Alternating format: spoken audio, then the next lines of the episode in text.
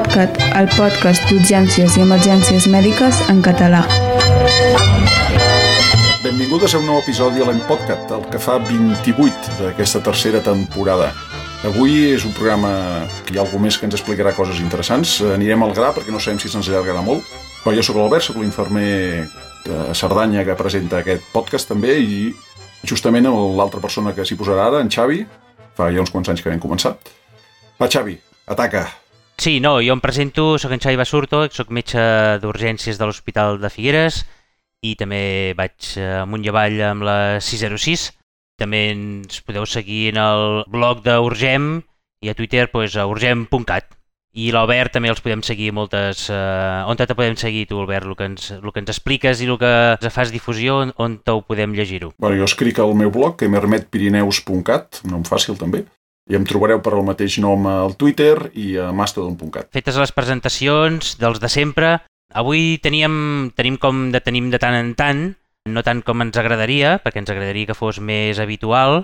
Tenim un convidat entre nosaltres, que és l'Àngels Gispert, que és metge de família, urgentòloga, metge d'urgències i actualment és el cap de servei de, del Servei d'Urgències del Trueta i que ens ve a explicar temes molt interessants que ara començaran a ser més eh, de moda o més freqüents en els serveis d'urgències. No sé, no tinc clar que sigui aquesta temporada la més eh, idònia, però que ens ve a parlar sobre intoxicacions eh, per bolets. Hola Àngels, què tal? Hola, bona tarda. Ens vens a explicar coses de bolets o parlem d'alguna altra cosa? Perquè no sé si aquest any, com que no ha plogut gaire, no sé si tindrem molts problemes amb els bolets. Com ho veus, això? Bueno, això mai se sap, eh? perquè jo crec que ja últimament no depèn tant de la meteorologia com del sentit comú dels boletaires aficionats. No? I una de les coses que sabem de la natura és que les coses dolentes i les coses tòxiques són capaces de sobreviure en qualsevol condició climatològica. No? O sigui que, bueno, sempre en cau algun. Aquest any en vam tenir a la primavera d'intoxicats per bolets, o sigui que ja veurem, ja veurem. Tu, a part de, ser, de tindre aquesta expertesa en temes de toxicologia, vas a caçar bolets de tant en tant o, o, o, o no t'interessa el tema? Hi havia anat perquè el meu pare és un gran boletaire i jo sóc de la Bisbal d'Empordà i per allà a les Gavarres doncs anàvem, ja l'acompanyava quan era petita, però jo tinc un problema que em passa el mateix amb la dermatologia, no tinc memòria fotogràfica sóc un desastre, jo veig tot igual. I les vegades que jo he anat a buscar bolets, eh, després arribo, la meva mare me'ls tira tots a la bessura perquè no hi ha res bo. O sigui que jo em dedico al que ja se l'ha menjat i els compro al supermercat o, o els que va buscar algú que, el, que els coneix. O sigui, si, ens, si anem al Trueta i ens regales eh, bolets, no els agafarem. Uh, millor que no, millor que no. Hem llegit diverses coses que ens havies passat, no? el butlletí de toxicologia i algun document que ens havies passat, i tant l'Albert com jo ens hem anat apuntant alguns dubtes que ens havia generat el que hem llegit, i si et sembla, no sé, si et sembla vols començar a explicar-nos el, el maneig, el no, diagnòstic, tractament pronòstic i aquestes coses de, que ens podem trobar amb la gent que, que, que s'intoxica per bolets, doncs, si vols començar, nosaltres després tenim escoltant i tenim interrompint per fer preguntes i, i resoldre dubtes. Perfecte. Jo primer explicar-vos una mica com vaig arribar al món dels bolets, no? Perquè ja us dic, no sóc caçadora de bolets i sí que a casa meva sempre s'ha anat a buscar bolets i, a, i s'han cuinat, però això va ser una mica de casualitat, no? O sigui, a mi m'agrada molt la toxicologia, estic posada en diversos grups de treball i quan vam fer la primera jornada de toxicologia de la Societat Catalana, el tema eren els bolets, a mi em tocava presentar una, una taula i el primer ponent, que havia de ser en David Gràcia, que suposo que coneixeu, que també és metge d'urgències i gran boletaire de l'Hospital de Palamós, havia de presentar quins eren els bolets tòxics de Catalunya i com es confonien amb els, amb els comestibles. I just quan li vam dir la data, que ja tenia tot preparat, doncs ell estava fora de viatge, amb la qual m'ho vaig haver d'aprendre. I a partir d'aquí doncs, va sortir una mica la passió de, dels bolets, no? I una mica, doncs, arrel d'aquelles jornades, quan hem anat fent doncs, guies i cada any en el, el meu servei doncs, els hi faig el speech habitual a aquesta època de començar a venir bolets. Cada pacient que vingui amb diarrees, doncs, pregunteu-li. I una mica doncs, també parlar de que ha canviat el perfil no? de, de l'intoxicat per bolets, perquè ara mateix doncs, vam tenir durant molt de temps un programa a la tele no? de caçador de bolets Eh, hi ha aplicacions de mòbil que tu vas al bosc i li fas una foto i l'aplicació et diu si és bo o dolent i la gent s'enfia i se'l menja, que també és una cosa que no he entès mai. Eh, hi ha concursos, diades de bolets, vull dir que és com una, una falera no? de voler ser neu rural. I abans, doncs, potser trobaves gent que eren molt experts i que es confonien, no? Mm, tots sabem que un dels, un dels bolets més apreciats que tenim aquí és l'ou de reig, i l'ou de reig és una manita i de manites n'hi ha molts tipus, però també hi ha les més tòxiques que tenim a Catalunya. No? Eh, I l'ou de reig quan és petit no té color i és molt fàcil confondre eh, el que tu et penses que és un ou de reig, que si deixes passar un parell de dies es tornarà taronja, amb una manita verna, amb una manita faloides, que seran... L'ou de reig es tornarà taronja i la manita faloides es tornarà verda, no? i el boletaire expert que té moltes ganes de trobar ous de reig, doncs els agafa abans que els hi agafi el veí que vindrà demà a buscar bolets i és quan es confonien i s'intoxicaven, no? Últimament, en els darrers anys, el que estem veient és que, que hi ha molt de neòfit dels bolets, d'aquests que van amb l'aplicació i que van amb, amb el que han vist a la tele, i agafen tot el que els hi sembla i venen intoxicats, no? Que, que ha canviat una mica el perfil del pacient, no sé si, si m'explico. I creus que hi ha més incidència d'intoxicacions per bolets que fa 10 anys o 20 anys o abans d'aquestes aplicacions i d'aquestes programes i tot això o no? O... Sí, exacte, hi ha més incidència, però també veiem més intoxicacions lleus perquè agafen bolets que fan més sintomatologia gastrointestinal o que fan, que fan una clínica molt més lleu és eh, molt, molt freqüent gent que va i veu xampinyons, que és l'únic que coneixen del supermercat, i hi ha xampinyons bords que et poden fer un tropell gastrointestinal impressionant, no?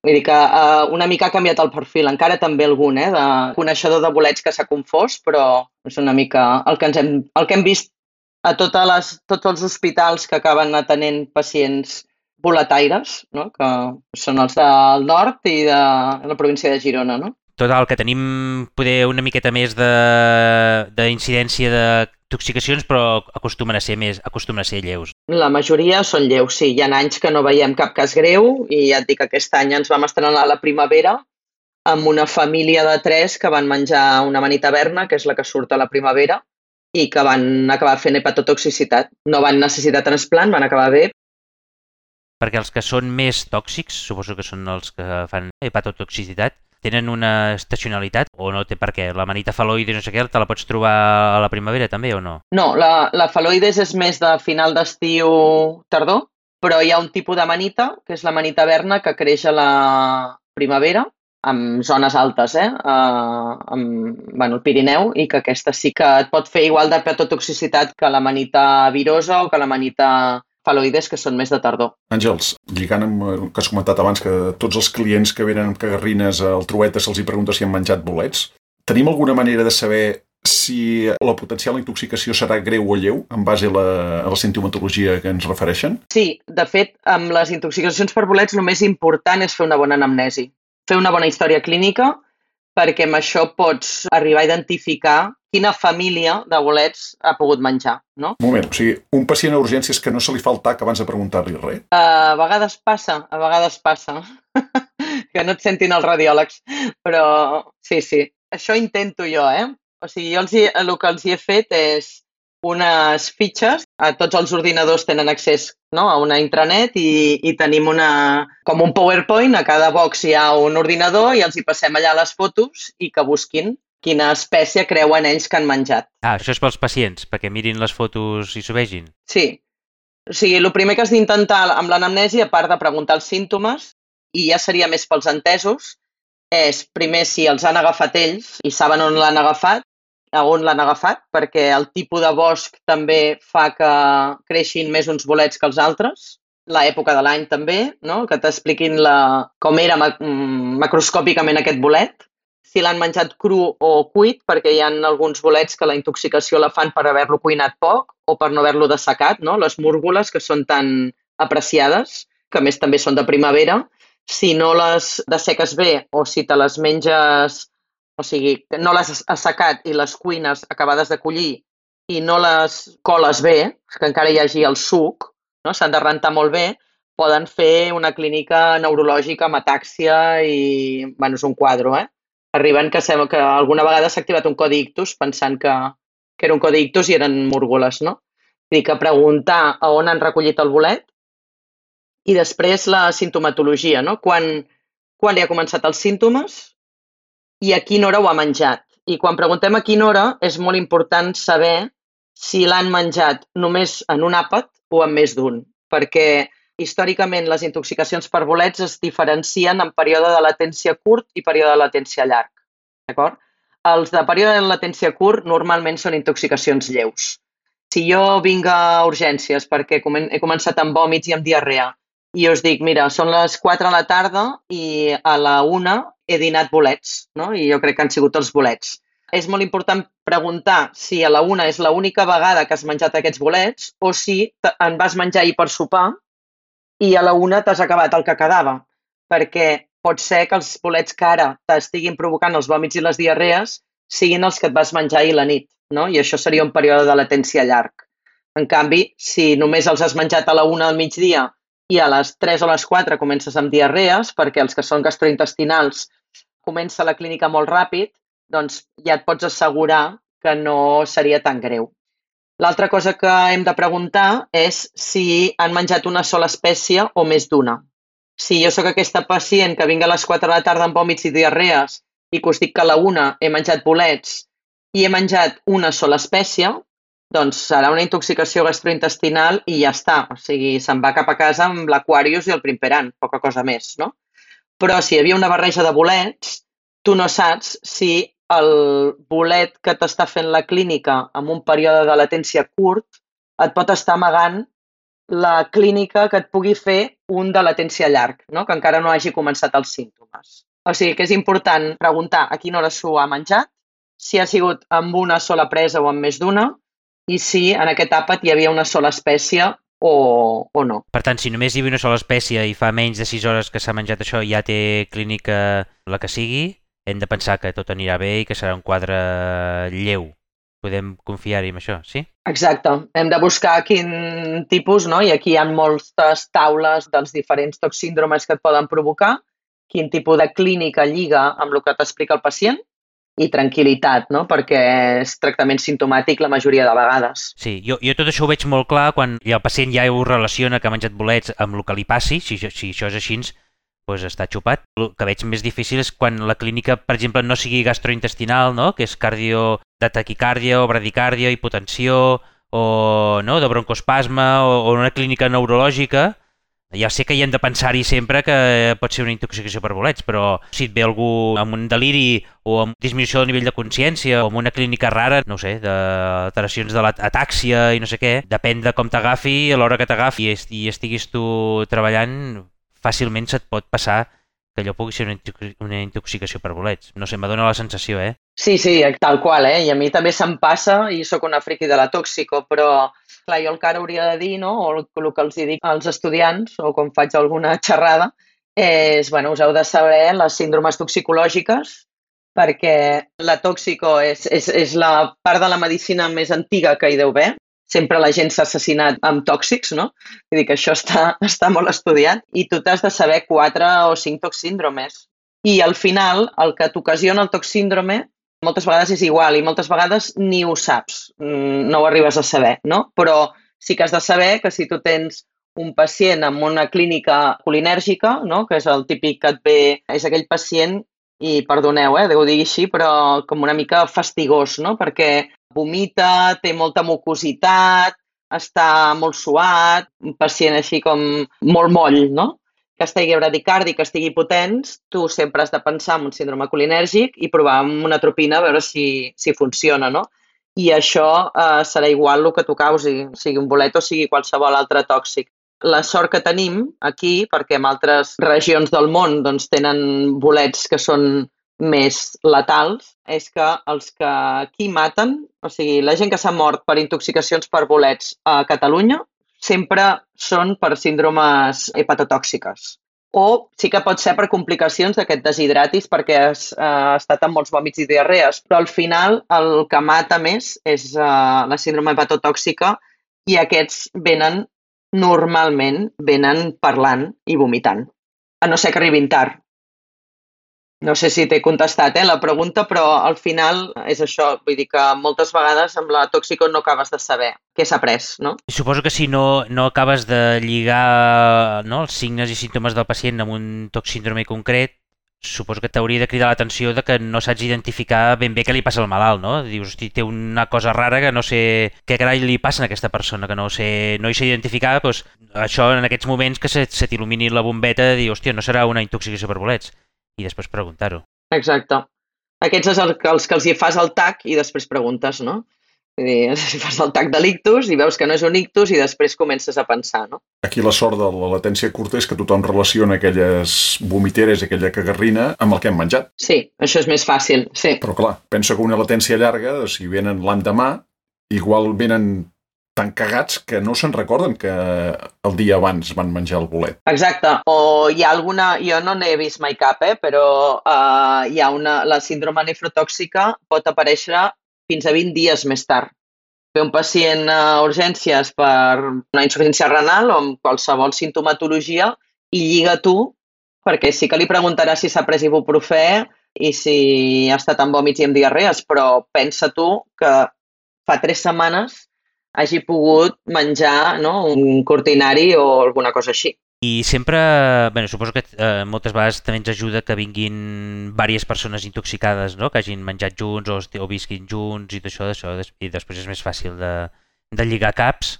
I normalment creus que és més freqüent intoxicacions a nivell de restaurants i supermercats i coses d'aquestes? Això, això passa o no? O és més bé consum que tu te'l vas acollir, te'l cuines i, te, i a nivell individual és, és el més freqüent, no? Suposo. Sí, hi ha hagut algun cas eh, de, que s'hagi colat algun bolet allò amb preparats amb, amb les safates aquestes que compres o així, però molt puntual. Normalment és perquè és gent que els va caçar i se'ls menja per consum propi o que han fet conserva i se'l mengen al cap d'uns mesos, no? Per això també és una cosa que hi hem de pensar tot l'any perquè la gent fa conserves de bolets. Sí, que passa que segurament els que fan conserves de bolets, aquests no són seguidors de caçadors de bolets. Eh? Aquests ja segurament és tradició familiar de casa.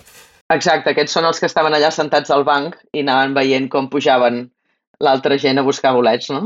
Escolta'm, i creus que hi ha diferències entre el que pot veure l'Albert a Puigcerdà i nosaltres a Figueres o a Girona o, o restes de, no sé, a la península a Europa?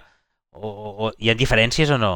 A nivell de, no sé, de, del tipus de, de bolet o de, o de la freqüència o de la gravetat o de lo que sigui o no? O sigui, hi ha diferents espècies però de la mateixa família a Europa. O sigui, a Europa no hi ha coses molt més rares que les que tenim aquí. I, de fet, una de les coses que ens hem trobat molt aquí, bueno, amb tòxico molt potser són tres casos, eh? Però, perquè tot és molt minoritari. Però sí que ens hem trobat pacients de Romania, sobretot, que hi ha molta tradició de buscar bolets, que venen a viure aquí i que segueixen anant a buscar bolets i el bolet que a Romania era comestible aquí és tòxic. Sí, que deu ser la mateixa família o el que sigui de bolet, no? I canvia una miqueta i aquí és tòxic. Exacte, sí.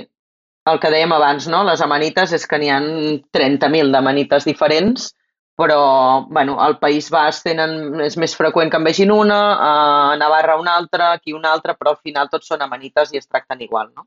perquè eh, és el que deia una mica al principi de, del tipus de bosc. A Europa els boscos són bastant similars, sobretot a el que et puguis trobar aquí al Pirineu o a la zona del País Basc, Navarra, La Rioja, al nord de, de Castella i així. I ara que us deia això del País Basc, els bascos són els grans especialistes en bolets que hi ha a Espanya, tant amb intoxicacions com amb gastronomia també, no? I ells tenen que això és molt pràctic, i de fet jo ho tinc penjat allà al despatx, han fet unes fitxes que comparen no, el, què, què et penses tu que has menjat no, amb què et pots haver confós. I estan molt bé aquestes fitxes perquè, perquè t'ajuden també a, a que si el pacient et diu no, no, és que jo m'he menjat això, eh, doncs tu puguis anar a buscar la família que seria més freqüent que estigui implicada en la intoxicació.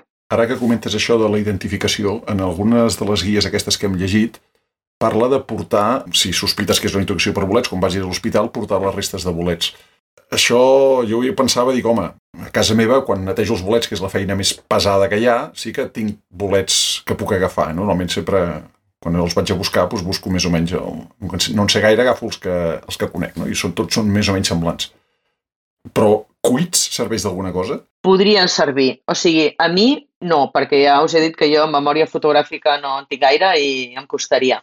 Però eh, nosaltres el que tenim és contacte amb l'Associació de Micologia de Girona, que són aficionats als bolets, que queden un dia al mes en una aula de la Universitat de Girona per parlar de bolets i que, de fet, jo vaig anar a fer una xerrada d'intoxicacions per bolets a Navarra i em vaig conèixer un allà, que no el coneixia, i així va ser el contacte. I el que fem moltes vegades és que jo li envio fotos i li dic, tu et sembla que això pugui ser no? pues, aquesta intoxicació que vam tenir a la primavera? Sembla que sigui una manita verna perquè la família em va passar les fotos dels bolets que havien trobat. I ells tindrien capacitat d'analitzar les espores dels bolets. Si són crus, allò que els hi talles al peu, te'l porten al peu de les escombraries i, i tu pots analitzar les espores del bolet i saber quina espècie pot ser si és cuit seria una mica per, macroscòpicament que els hi semblen ells que pugui ser. Però clar, has de tenir eh, contacte amb algun friqui de bolets que te'l pugui identificar també, no? Bueno, els agents rurals sempre n'hi ha algun de bastant friqui. Falta que aquell dia estigui de guàrdia, eh? però... També, també, sí. Home, els, ja us dic, els bascos, me'n recordo una vegada que vaig anar a un curs d'intoxicacions per bolets i ensenyaven unes fotos que havien tingut un pacient que va acabar amb un transplant hepàtic i no teníem molt clara quina era l'espècie, o sigui, la identificació de l'espècie tampoc t'ha de retrasar mai a l'inici del tractament, eh? Si tu tens dubtes, comences tractament i després ja operaràs. Doncs el que van fer va ser que amb el marit de la pacient que tenien a la UCI el van portar al bosc on havien recollit els bolets. I van anar allà i van agafar el subsol i el van analitzar i van trobar les espores d'aquell bolet i van poder saber quin era, no? No és necessari, però bueno, és interessant poder-ho fer. I surt, sortien fotos del pacient amb el pijama de l'hospital a mig de bosc, no? Allà, és aquí. Però clar, aquest estava bé, aquest estava bé. Això ja és com si fos un programa de crims. Exacte, sí. Posarem llum a la foscor. De, caçador, de caçadors de bolets a crims. Exacte. Eh, doncs, eh, si continuem, eh, un cop hem identificat la clínica o el que li passa al pacient, sospitem que és una intoxicació per bolets a nivell del maneig i tot això, què és el primer que hauríem de fer? Bueno, una mica, primer, encara que no identifiquis l'espècie, doncs posar-lo en aquests dos grans, grans grups, no? si és una latència curta o una latència llarga. Si és una latència curta, totes les síndromes que hi ha, que són vàries, el 99% serà una síndrome gastrointestinal pura, però n'hi han d'altres, no? Eh, hi ha síndromes colinèrgiques, anticolinèrgiques, al·lucinògenes, que aquests normalment no venen perquè ha l'objectiu de menjar-se aquests bolets és intoxicar-se i passar-s'ho a casa o on, on estiguin, no? Però bueno, algun, algun pot caure. Aquests és tractament sintomàtic. Bàsicament és tractament sintomàtic. Sí que la síndrome muscarínica, la colinèrgica, doncs podries posar-li atropina, però la resta és tractament bàsicament simptomàtic. Si vomita, doncs posar-li un antiemètic, eh, hidratar-los amb sèrums i poca cosa més. Si tu creus que és una síndrome de, de toxicitat tardana o, o de latència llarga, doncs després sí que has d'identificar quina és i tenen tractaments una mica més específics. No? Ja, el que dèiem abans, la més freqüent, tot i que no és molt freqüent, no en tenim cada any, però vaja, quasi cada any, és la síndrome hepatotòxica, que és la que, la que hem de descartar, perquè les restes, al final, si amb una síndrome convulsiva ja el veuràs convulsionar i el tractament no deixa de ser diferent que qualsevol altra causa de convulsions i la síndrome hepatotòxica és la que hem d'estar més alerta i la que has de començar el tractament com més aviat millor. A part de, dels tractaments específics que, si vols, parlem ara, has de fer un tractament eh, de suport inicial que pot ser igual amb tota intoxicació, no? Parleu en els esquemes que tenim de seroteràpia intensiva, sí. però no sé exactament això a què fa referència, si vull dir, a quina quantitat de sèrums li hem de passar i, i quin tipus hi ha, algun, hi ha algú establert que sigui millor un tipus de sèrum que un altre o, i la intensitat del, de la reposició hidroelectrolítica o això va en funció com estigui el malalt? Exacte, va en funció com estigui el malalt. De fet, amb tòxico no hi ha evidència i al final, si tens un pacient eh, deshidratat o no, el que mana és la clínica i el tractaràs igual que qualsevol altra reposició hídrica que hagis de fer. No? Si el pacient està xocat per un, no? per un xoc hipovolèmic per les diarrees, doncs potser posaràs solucions balancejades d'entrada i, i aniràs més uh, a saco, no? uh, controlant pressió venosa central o, o amb, el, amb la tècnica que facis servir tu habitualment, però si és un pacient que només té vòmits i diarrea, que no té cap signe de deshidratació, no li veus les mucoses seques, no, no té síndrome de plec i no està hipotent, doncs al final li posaràs una pauta com la que li posaries a un pacient que estigués en dieta absoluta. Fins que comenci tolerància i a la que pugui tolerar via oral és que ja els hi dones l'alta. I el tema de descontaminació digestiva i tot això, eh, ho faríem només de sospitar que es tracta de... O, o en aquests casos no ho fem? En els, la majoria de pacients que venen, que són els que tenen vòmits i diarrea, no està indicat no està indicat primer perquè eh, la toxina que tenen aquests bolets el que fa no és, o sigui, no l'acabes absorbint, és una toxicitat local. El que fa és irritar la mucosa gastrointestinal i d'aquí els vòmits i les diarrees. No és una intoxicació que el target sigui el sistema nerviós central i vomitis per això, sinó que és per lesió local de la mucosa, no? Amb la qual si està vomitant el carbó actiu sempre està contraindicat amb qualsevol intoxicació i el mal ja l'ha fet. Amb la qual en l'estómac no, no tens res que puguis absorbir amb el carbó i que te disminueixi la clínica, la, la possibilitat d'intoxicar-te més.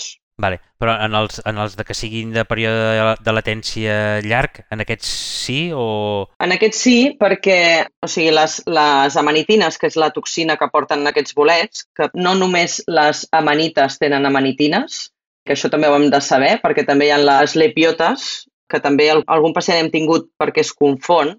La lepiota és, és un bolet que es troba molt als marges dels camins, que hi ha la macrolepiota, que la gent se'l menja, és un bolet molt gros que es veu fàcilment i que la gent se'l menja i aquest no és tòxic. No sé per què se'l mengen perquè no val res, és com menjar-te aigua. Però hi ha la lepiota bruna incarnata que és igual en petit. De fet, diuen que si el barret fa menys de 10 centímetres de diàmetre no te'l mengis perquè és la tòxica. Doncs aquesta també té amanitines i també fa una hepatotoxicitat, que a vegades no hi pensem. I després hi ha les galerines, que són uns bolets petits que neixen en els troncs dels arbres que s'estan podrint o així, així com en flotes de bolets, i aquests també porten amanitines. No? La manitina és la toxina que ens provocarà la hepatotoxicitat i té dues maneres de provocar toxicitat. Una també és a nivell local, per irritació de la, de la mucosa gastrointestinal, i per això ens dona aquesta fase intestinal, eh, aquesta clínica de vòmits i diarrees que comença a partir de les 6 hores després de la ingesta, i després tenen recirculació enteropàtica. Com que tenen recirculació enteropàtica, surten per la bilis, es tornen a absorbir a nivell del jejú i van intoxicant el fetge, no? van danyant l'hepatocit. I el carbó actiu es posa per recaptar aquestes amanitines que, que recirculen hepàticament perquè tu a l'estómac ja no hi tens res, tu te l'has menjat fa 6 hores, amb la qual tu no absorbeixes amanitines que tinguis a l'estómac, no? Pensem en una intoxicació medicamentosa. Nosaltres donem el carbó actiu eh, per absorbir el que tens a l'estómac i que no ho absorbeixi el cos.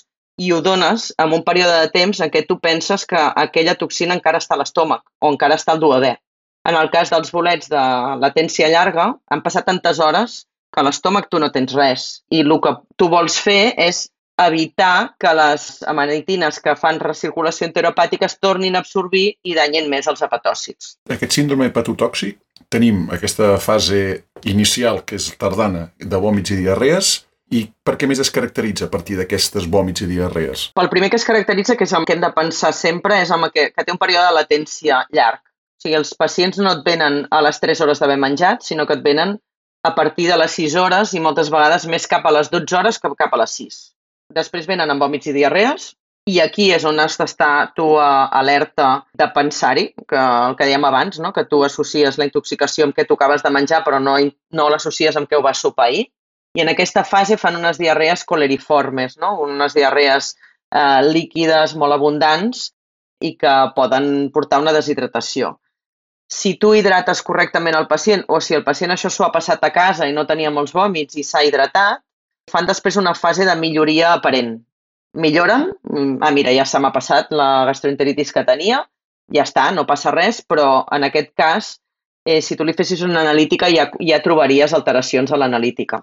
I després, a partir de les 36-48 hores, comença la fase visceral, que és quan fan la fallida hepàtica i, i et venen doncs, ictèrics, et venen amb, amb signes d'hepatitis aguda, que al final és una hepatitis el que provoca.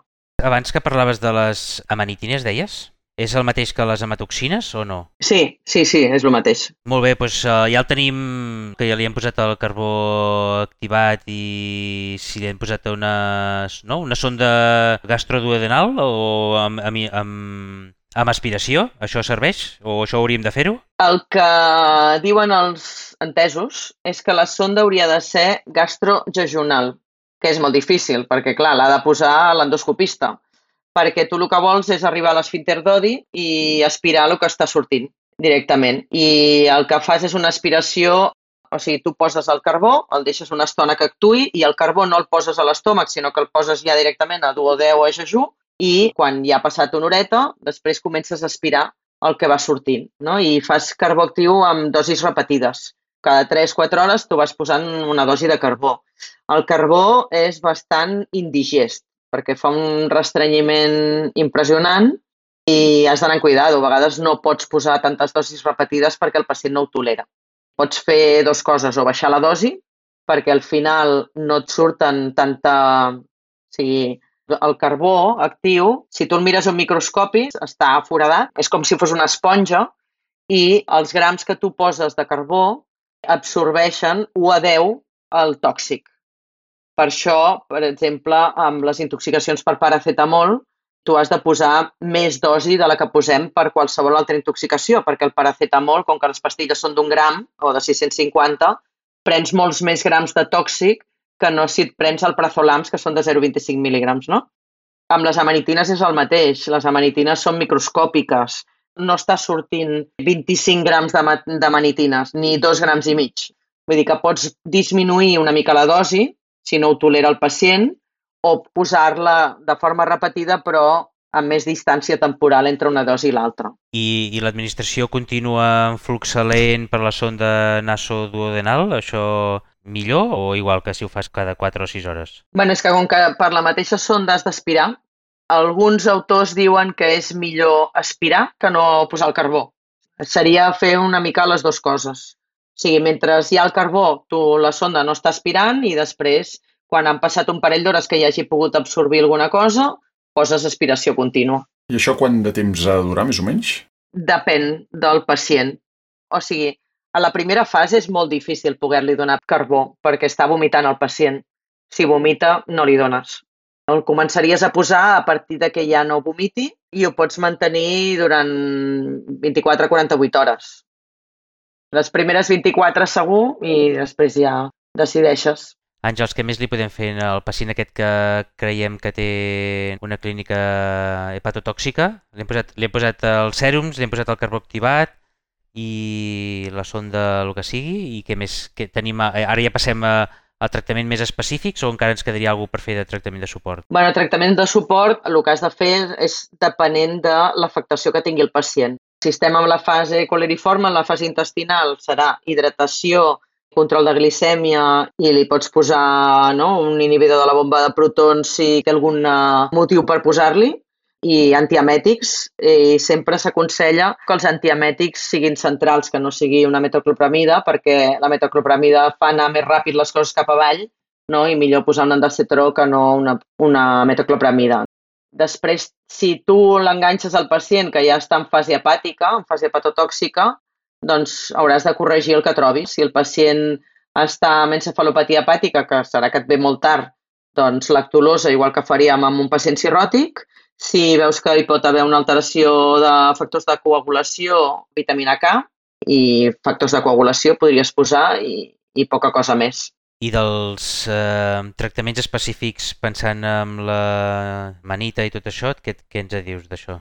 bueno, tenim, un, tenim un antídot, no? N'hi ha, ha hagut molts al llarg de la història, s'han provat mil coses, no? I abans es posava penicilina, ara nosaltres des del grup d'antídots no l'aconsellem, la penicilina, perquè tenim la silivinina. La silivinina és un, un fàrmac que prové del card, del cardo, i que el que fa és evitar doncs, que les toxines entrin a... inhibeix la recaptació de les hematotoxines per la, a l'hepatoci. Les cèl·lules del fetge doncs, que no puguin agafar les hematotoxines, aquestes que estan recirculant allà per la circulació enteropàtica. No? És com un, un tractament protector, no és un antídot d'aquests que s'enganxen un a un amb el tòxic, sinó que el que fa és bloquejar els receptors que tenen els hepatocits de les amanitines i evitar que hi entrin fa com un segurata de discoteca. Vale? Tu no entres i ja està, i ja les eliminaràs via digestiva, aquestes amanitines. No? Nosaltres el que diem és que si t'arriba el pacient aviat, que encara estàs en fase digestiva, si ho tens molt clar, comença a posar la silivinina perquè és un tractament que té molt pocs efectes secundaris, es tolera molt bé i mal no li farà i a més és barat. I ara que estic en gestió també me miro aquestes coses. Nosaltres tenim la sort que a l'Hospital Clínic de Barcelona fan determinació de matotoxines i tu pots enviar una mostra d'orina i en unes 4 o 6 hores tens el resultat. Però és l'únic laboratori d'Espanya que fa detecció de matotoxines. Si nosaltres ara volguéssim canviar de vida i ens n'anéssim a treballar a Tenerife, per exemple, que allà també tenen amanites i també tenen intoxicats, menys, però algun en tenen, tindríem el problema que si volem una determinació de manitines, potser no la tenim fins al cap de 5 dies. Amb la qual si tu no tens accés a una determinació de, de manitines, tu comença el tractament i ja ho veuràs al cap d'uns dies, si aquell fetge respon o, o no respon, si ho era o no ho era. Nosaltres tenim la sort que podem enviar amb taxi una orina al clínic i tenim la determinació en poques hores i ens podríem arribar a esperar a començar el tractament a tenir la determinació però jo prefereixo que si tinc una sospita molt alta el començo i després el paro. Si tinc una sospita baixa, no. El típic de s'ha menjat una barreja de bolets, ha vingut aquí que feia 3 hores, amb vòmits i diarrees, aquest no li començo fins que tinc el resultat de la determinació. Però si m'ensenyo una foto i allà estic veient una manita faloides, li començo i després ja m'ho confirmaran. A part, tenir la determinació de matotoxines ens va bé perquè és un factor pronòstic també. Si tens una determinació amb uns nivells molt elevats, saps que aquell pacient anirà pitjor que, que un altre. Per, per tant, una pregunta que se m'ha ocorregut ara, la determinació de hematoxines en orina, l'envies sempre que tens una persona que, que saps que s'ha intoxicat per bolets, encara que estigui amb, amb vòmits i amb diarrees? A tots aquests els envies a determinar nivells d'hematoxines o no?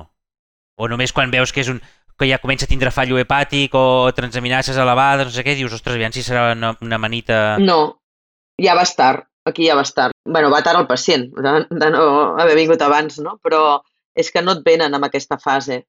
Mira, fa, fa molts anys vam tenir un cas d'una pacient que havia menjat eh, manitines i que va consultar per uns vòmits i diarrees i on va consultar li van dir, bueno, això és una gastroenteritis, tranquil·la, tal, no van pensar ni en períodes de latència ni res, tu hidrata't i ja se't passarà. Se'n va anar cap a casa i com que li van dir que era normal, la senyora va aguantar a casa tres dies. El tercer dia ens la va portar al SEM amb un xoc hemorràgic provocat perquè tenia zero factors de coagulació i estava sagnant per tot arreu. I després va sortir parlant amb el marit que els bolets Vull dir, aquesta va venir tard perquè el primer dia no hi van pensar que era una gastroenteritis, però normalment els pacients consulten el primer dia. I el primer dia tu no tens alteracions analítiques de fallo hepàtic. Amb la qual a la pregunta, perdona que m'alio i no... Si tu tens un pacient que ha menjat un sol tipus de bolets i que ha vingut en menys de 6 hores, aquest no li demano hematotoxines. O sigui, clínica gastrointestinal que ve amb un període de latència curt i que ha menjat una sola espècie, o que tinc molt clar que el que ha menjat no ho és, però costa tenir-ho clar, sobretot si no coneixes els bolets, aquest no li demano. Si tinc dubtes, li demano. Ara han sortit uns kits eh, de detecció de matotoxines que els venen i que els estan comprant als hospitals que no tenen accés a enviar la mostra al clínic on pugui ser qualsevol hospital de Catalunya, no? Bueno, també són pràctics. Ahà, a veus. Com un test d'antígens. Llavors, aquest medicament, la silivinina aquesta, està disponible, suposo, a través de la xarxa d'antídots. O sigui, aquí a Catalunya ens hauríem de... Els, els petits que no en tenim hauríem de parlar amb algú gran que en tingui. Exacte, sí. Però hi ha bastants centres eh, que en tenen. Nosaltres, en el grup d'antídots, traiem la guia d'antídots. Ara la vam, la vam fer nova l'any passat. I els antídots es diferencien, o sigui, els hospitals es diferencien per nivell. Els de nivell bàsic han de tenir una farmaciola d'antídots bàsica, sobretot aquells antídots que tu no tens temps de demanar-lo en un altre hospital, i després hi ha una sèrie d'antídots que només tenen els hospitals de referència provincial o els hospitals de tercer nivell, o, com el cas de la silivinina, també està aconsellat que ho tinguin els hospitals de, que poden tenir intoxicacions per bolets. Si no en té un hospital, doncs sempre el pots demanar a partir de la xarxa d'antídots, no? demanar un préstec. Una pregunta que m'havia quedat un dubte que, que ens explicaves. La silibilina en perfusió contínua o també així cada 6 hores? O hi ha, hi ha diferència o no? Eh, és un bolus. Eh, és un bolus cada 6 hores. Es posa un, un bolus de 5 mil·lígrams per quilo que passa en dues hores, eh, la pauta inicial, i després es posa en perfusió cada 6 hores. Pots posar mm, com una perfusió extesa o seguir fent bolos, eh? Sí, no deixa de ser una medicació endovenosa normal i corrent, no? Com poses, eh, jo què sé, un antibiòtic cada 6, doncs poses... Sí, sí. El que toqui de silibinina cada 6 amb la bosseta i venguen a fent. Hi ha algun, eh, això, eh, algun article que diu que puguis posar en perfusió contínua, però eh, nosaltres ho posem en bolos. I en cas de que no tinguem encara, si en el nostre hospital no tenim la, la, la silibilina, les altres alternatives, eh, com la penicilina i quina més hi havia, eh, val la pena començar-les o no? No hi hauria d'haver aquesta possibilitat. Ara els hospitals de Catalunya estan a la xarxa d'antídots. Tens temps d'anar-lo i començar-lo, no? Però la, la penicilina sempre s'havia fet servir i, de fet, encara hi ha centres que fan servir els dos, que posen els dos, allò per la por de que pugui anar pitjor, però la penicilina fa eh, el mateix que la silivinina, t'inhibeix la recaptació de les hematotoxines a nivell hepàtic, t'augmenta l'excreció urinària de les hematotoxines i t'augmenta l'oxidació a, a, nivell de, a nivell de l'hepatocit. Què s'ha vist? Que els pacients que, eh, com que tots són sèries de casos, no? els pacients que eren al·lèrgics a la penicilina que no se'ls hi havia posat tenien el mateix pronòstic que els pacients que se'ls havia posat. Per això ara ja no, no s'utilitza. Si no tens silivinina, podries començar amb la penicilina, però la que t'arribi la penicilina, jo no li continuaria pels efectes secundaris que tenen perquè són dosis molt, molt elevades de penicilina. I la ceftacidima? La ceftacidima hi ha, molt, hi ha algun article que ho han publicat però que potser són cada article són sèries de casos i hi han dos, quatre, i amb una mica la mateixa intenció que la penicilina. No? Si no tens silivinina, si ara hi hagués un trencament d'estoc perquè els antídots és difícil fabricar-los, doncs mira, seria, podria ser una opció, però hi ha poca experiència. I el, la N-acetilcisteïna? La N-acetilcisteïna es posa una mica amb la mateixa amb el mateix propòsit una mica que amb altres intoxicacions que són hepatotòxiques perquè és una teràpia antioxidant. Així com la silivinina us deia que si tens una alta sospita la comencessis abans de tenir els resultats de les amanitines, la NAC et pots esperar. T'esperes a veure que si comença a fallar el fetge, doncs li, li posarem. Això vols dir? Sí, o quan, o quan tens la confirmació de les amanitines possibles, també. Ah, molt bé. També hem llegit el, com a antioxidant el tema de la vitamina C. Nosaltres ho, ho posem, eh? Perquè és el típic allò de que... No fa mal. No fa mal, exacte. No sabem si és molt homeopàtic, però bueno, sí que hi ha estudis amb altres patologies com a tractament antioxidant i mal no fa. I quan estaria indicat aquests malalts intoxicats per bolets? Quan està indicat traslladar-los? Quan tens signes d'hepatotoxicitat. O sigui, quan tu tens un, un pacient amb la primera fase, no? Aquest pacient es podria ingressar a qualsevol hospital, no cal que sigui ni un hospital de referència. Quan tu comences a tenir fallo hepàtic, i has de contactar amb el clínic normalment, que és on hi ha la UCI hepàtica, per traslladar-lo. Normalment, pacients doncs, que tinguin un, un índex de protrombina per sota de 30 o que tinguin xifres de bilirrubina molt elevades o que vegis no, que ja està en clínica de fallo hepàtic. Perquè eh, un cop traslladats a aquesta UCI hepàtica, què se'ls hi pot fer? És a dir, entenc que aquí el tractament que hem fet, un tractament de suport, l'absorció amb el carbó activat i després la silibirina, tot això és per disminuir el dany a l'hepatòcit. Però en el moment en què el dany ja s'ha produït, què es pot fer? En el moment en què s'ha produït, si no hi ha volta enrere, o sigui, hem dit no, que la intoxicació té quatre fases, té la fase de latència, té la fase gastrointestinal, la de millora aparent i la d'hepatotoxicitat. La fase d'hepatotoxicitat té diferents graus. No és obligatori passar d'una a l'altra. Igual tu hidrates bé un pacient, li poses la silibinina, havia consumit poca quantitat d'hematotoxines i ja no passa a la següent fase amb la qual aquests els tindràs ingressats un parell de dies a medicina interna o en decideixis tu, no? però el, la, la gràcia del tractament és no passar a la següent fase, eh, que és el que podem fer nosaltres. No?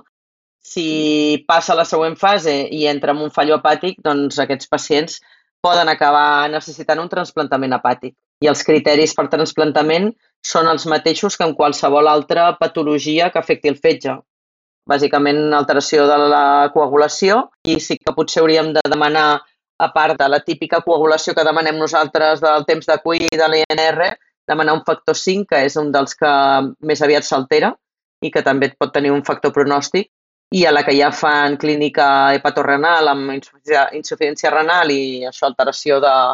No, no tant la transaminitis, sinó l'alteració de la coagulació, aquests serien tributaris de transplantament urgent i a més seria una, una prioritat zero. I hi ha algun centre específic per aquests intoxicats greus, així com hi ha no, de cremats doncs hi ha Vall d'Hebron, eh, d'intoxicat per bolets o per hepatotoxicitat així, hi ha algun centre de referència o no? O truques al teu de referència que tinguis a Barcelona? Nosaltres sempre contactem amb el clínic perquè tenen una UCI hepàtica específica amb aquests tres pacients que vam tenir la primavera, hi havia una pacient pediàtrica i es va derivar a Vallebron. I, i ara que ens hem cagat tots amb el tema dels de bolets hepatotòxics, hi ha alguna manera de garantir que el bolet que has pillat no és hepatotòxic, que no és, que no és tòxic? O, o tot això són falòrnies que circulen? Allò de que si el talles i canvia de color, aquelles coses? Sí.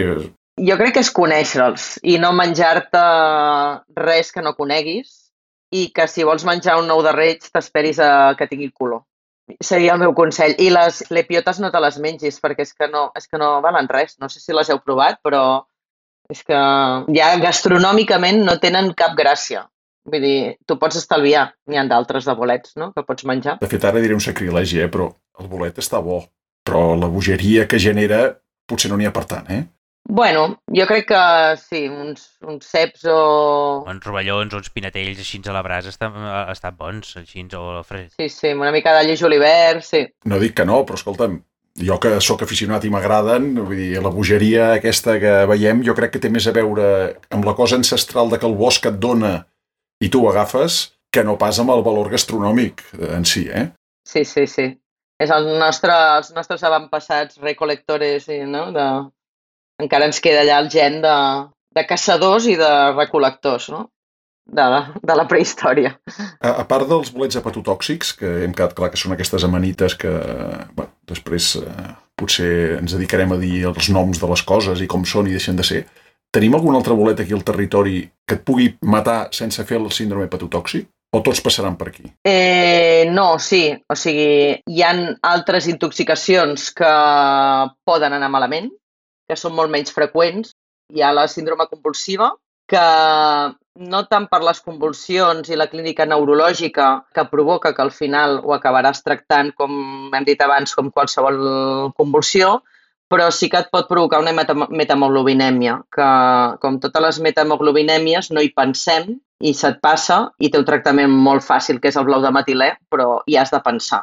Jo, les que hem vist nosaltres, les primeres, bueno, perquè al final demanes proves i alguna et surt, no? Però pensar-hi és complicat i les metamoglobinèmies maten, no? Que aquest sí que el tenim per aquí.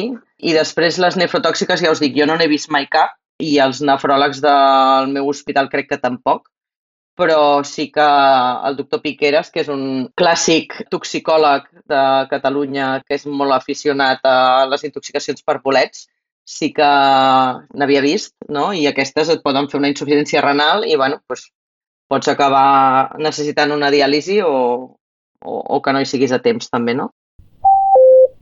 pues, no sé, Albert, ho deixem aquí de moment. Ja, si tenim consultes ja li podrem anar fent a través de la red d'antídotos, perquè també a la red d'antídotos també se'ls poden fer consultes. No urgents, eh? Consultes no urgents. No urgents, sí.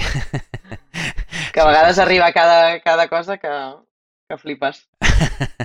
Bueno, aquí no ho hem dit, però clar, evidentment davant de qualsevol problema toxicològic sempre hi ha el, el Centre Nacional de Toxicologia on es pot trucar. Exacte. Els, els Poison Centers a tot arreu, que és un gran invent, eh? que haurien de fer-ho amb altres coses, però segurament llavors hi, encara hi hauria més gent trucant per coses que ja haurien de saber.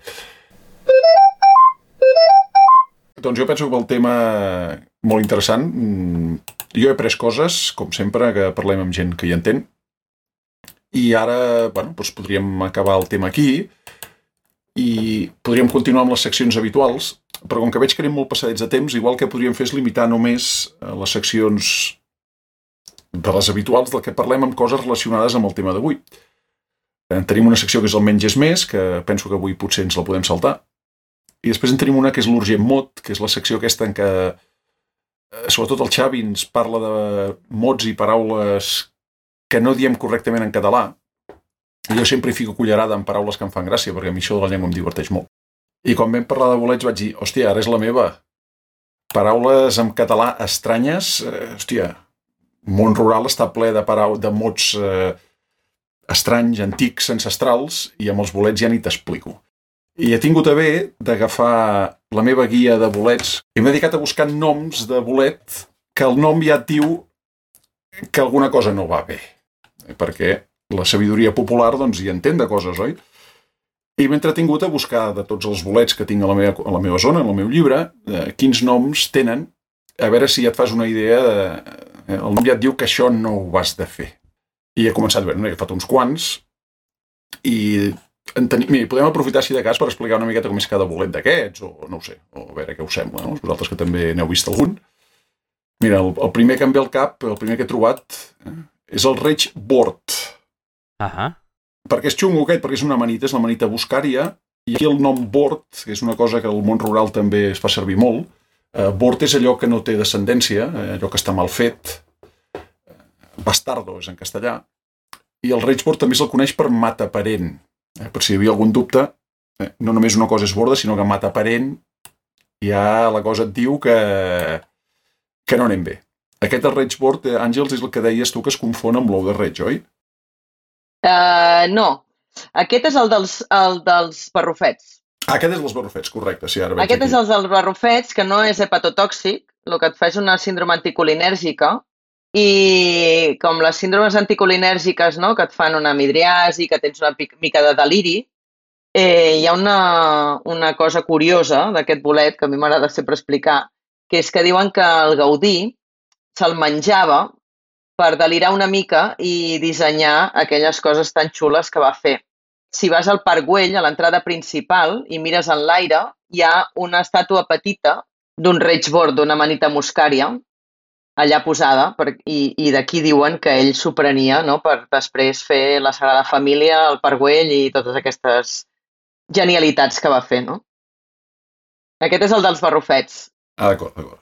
Ara ho veig a la imatge que sí. Uh, jo el que l'altre que sí que em sembla que és el que parlaves és la farinera borda. La farinera borda, exacte. Que és la manita faloides, que aquest sí que, bueno, ja té el... Eh, no surt la coberta, no? La... Oh, merda, com es diu això, hòstia? El barret. El barret, ara, per favor. Eh, té aquest color verdós que és el que deies tu que es confonia amb el blanc de, de l'ou de reig, oi? Quan, no, quan és jove. Amb el, sí, quan són petits els ous de reig, i per això es diuen, ai, els, el, a les farineres totes se'ls diuen ous, no? perquè tenen aquesta volva a la, a la base i quan són petits són com un ou. Després s'obre l'ou i creix el bolet, no? I quan és molt petit l'únic que veus és la volva i el barret tancat del bolet i tots són blancs de petits. Quan van creixent es torna taronja o es torna verd o d'un altre color, però no és un bolet que tingui molt mala pinta, eh? Vull dir, els bolets blancs normalment o són tòxics o no són gaire bons. No? Xampinyons tampoc és que siguin tan bons. Amb la qual eh, com a consell, no agafeu bolets blancs. Molt bé. Uh, L'altre que he trobat també és un que es diu, aquí a la meva zona el coneixen per cortinari de muntanya, però també es coneix per cortinari metzinós. Aquest és un dels que parlaves tu que fa la síndrome nefrotòxica, crec. I això de metzinós, bé, metzina, això, metzinar, una paraula preciosa també d'aquestes que m'agraden tant a mi. I, de fet, una, un dels bolets que tenen hematot, hematotoxines, també que tenim aquí, que són les galerines, el nom típic és la galerina metzinosa, també. També, quan els hi posen metzinosa als, que, als nostres avis, és que, que no és bo. Eh, en tinc una altra, que és la coloma pudenta, això de pudent, eh, si fa tufa, eh, també ja t'indica que potser no és bo. Aquesta és l'epiota cristata, aquesta no la coneixia de res i de fet diria que no l'he vista mai.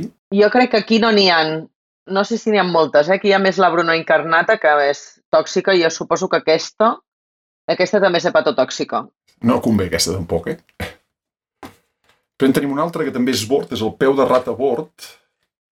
La veritat és que quan veus la foto, si només en trobessis un de sol, eh, un, podries com, intentar confondre'l amb un camacroc, però és que no, no, no, sé, no sé com la gent es pot confondre. Eh? Però això de bord, eh, el que anàvem dient, això de bord, si surt bord eh, no ens convé. Eh? Bord, nens, tot el que sigui bord no convé.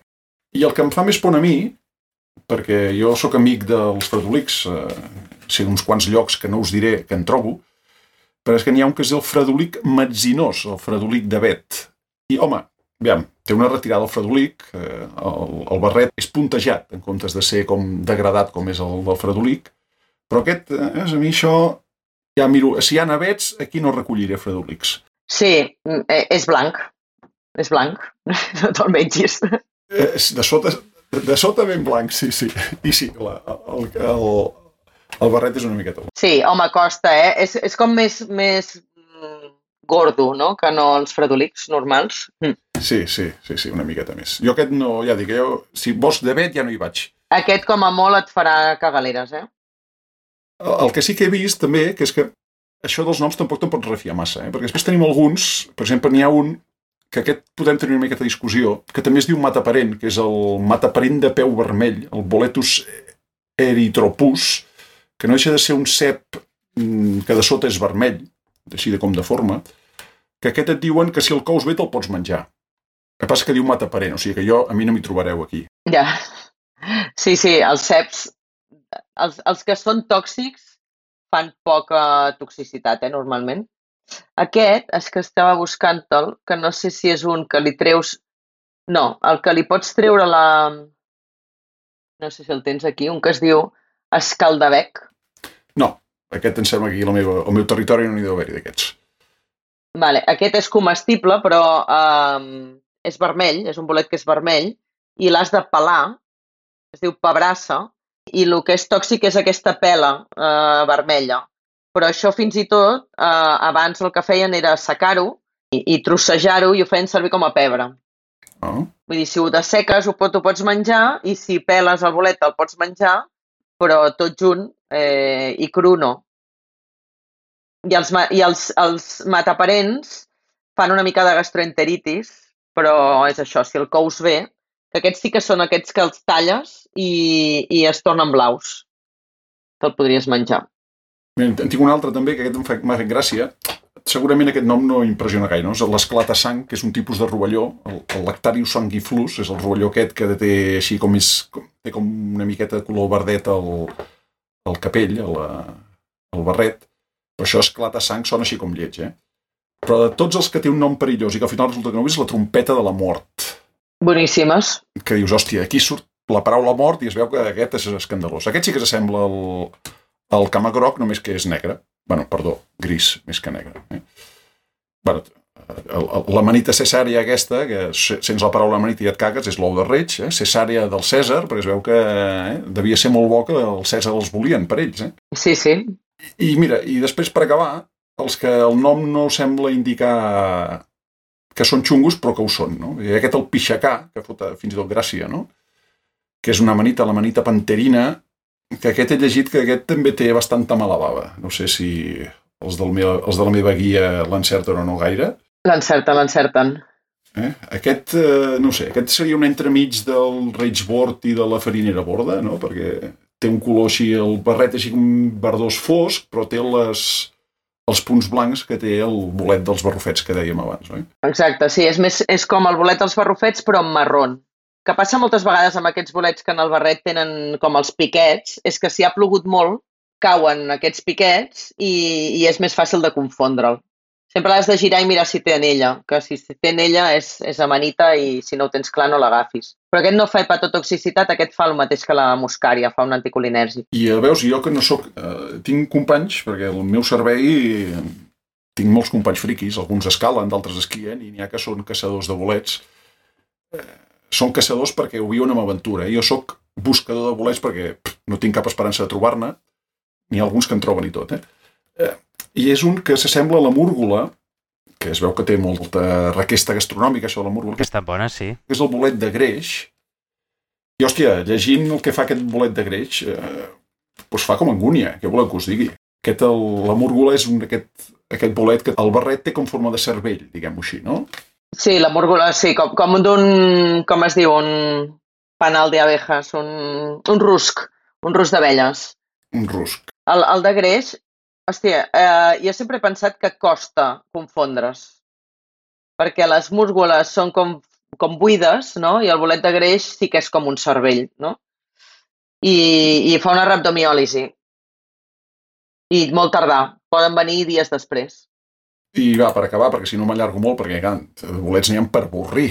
Eh? Eh, n'hi ha un que m'ha fet gràcia perquè es coneix amb un nom en català, es diu pixaconills, eh? també té la seva gràcia, en castellà n'hi diuen Seta dels Caballeros, que penses, home, Seta dels Caballeros això ha de ser bo, eh? però eh, també és, és conegut per verderol, i aquest és el tricoloma equestre, que aquest també és dels que et pot pelar. Sí. Aquest, si el cuines bé, te'l pots menjar, però si no, eh, també et fa una rabdomiolisi, una insuficiència renal. Per mala sort, a partir d'aquí ens hem quedat sense l'àudio de l'Àngels. Per sort estàvem a punt d'acabar. Agrair-li des d'aquí la seva col·laboració, no sentireu pas com se'ns acomiada. I vinga, va, us deixem amb els últims minuts del podcast. Bueno, doncs jo els mots així estranys, aquests que ja sabeu que m'agraden molt, doncs jo són tots els que he trobat. Segur que n'hi ha molts més. Si algú en troba algun de divertit i ens el vol compartir al grup de Telegram que tenim, doncs escolta, endavant, eh? Jo, encantats de sentir-los pues, eh, el que pots fer aquesta tardor és agafar, escriure-ho amb etiquetes i anar pel bosc i quan els vegis hi poses l'etiqueta al costat. Així eh, la gent que el vagi veient dirà, hosti, aquest potser que no... Mira... No tens, no tens temps, no? Eh, bueno, no sé, no sé si en tindré. Escolta'm, de fet, el primer, que jo, el primer que hauria de passar és que caigués aigua perquè en sortís algun. Que això fa mala pinta. De moment no, tira, de moment no anem gaire bé amb això. Aviam, aviam, si plou. I jo, per la meva banda, doncs ja no se m'acuden més coses relacionades amb els bolets. No vingueu a buscar-ne, sobretot. Els de casa meva són dolentíssims, no us acosteu per aquí. Ja està, no diré on s'han d'anar a buscar perquè segur que sabeu que és l'altra banda d'on us diré. Molt bé, què et sembla? Ho deixem, ho deixem per ara, Albert? L'episodi aquest? Jo, per la meva banda, més que complet. A veure com ens quedarà llarg quan, el, quan. Molt bé, doncs eh, moltes gràcies, Àngels, per eh, les explicacions i la conversa que ens has eh, regalat. Segur que el, el, la gent que s'ha encantat avui amb el que ens has explicat.